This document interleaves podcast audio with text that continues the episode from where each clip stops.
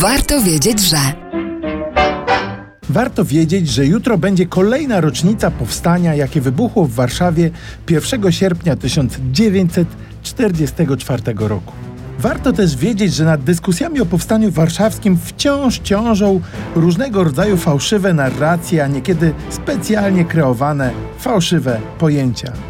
Wylansowano na przykład, aby o stu kilkudziesięciu tysiącach ofiar niemieckich zbrodni na cywilach mówić ofiary powstania warszawskiego. Tak, jakby ginęli na skutek działań wojennych lub wręcz z rąk powstańców. Po co Niemcom zabierać ich zbrodnie? Po co zabierać odpowiedzialność za nie? To samo dotyczy tezy, że Stalin i Armia Czerwona byli bierni wobec powstania. Tymczasem jest prawdą, że pozwolili je Niemcom stłumić, cywilów wymordować, a miasto zrównać z ziemią. To prawda, że po całych miesiącach klęsk pozwolili Niemcom na odniesienie pierwszego na tę skalę zwycięstwa w bitwie o milionowe miasto, stolicę Rzeczypospolitej Polskiej. Ale nie jest prawdą, że Sowieci byli bierni wobec powstania. Bierność to bezczynność. Tymczasem Sowieci zrobili wszystko, co mogli, aby powstanie zostało krwawo stłumione.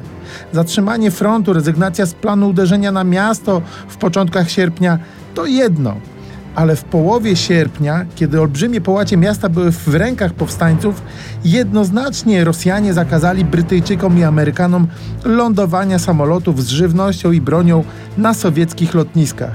Nie pozwolili, aby zbyt dużo broni i żywności trafiło w powstańcze ręce. To nie bierność, to czynne przeciwdziałanie powstańczej walce. Jednocześnie, kiedy na pomoc walczącym w stolicy ruszyły oddziały AK z różnych regionów po niemieckiej stronie frontu rozbijali je Niemcy, po sowieckiej Sowieci.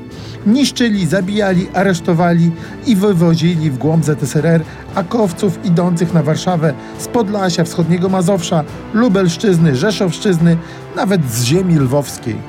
Wielu z tych żołnierzy poległo, wielu zmarło w łagrach na nieludzkiej ziemi. Niektórzy wracali po latach gehenny. Czy to była bierność?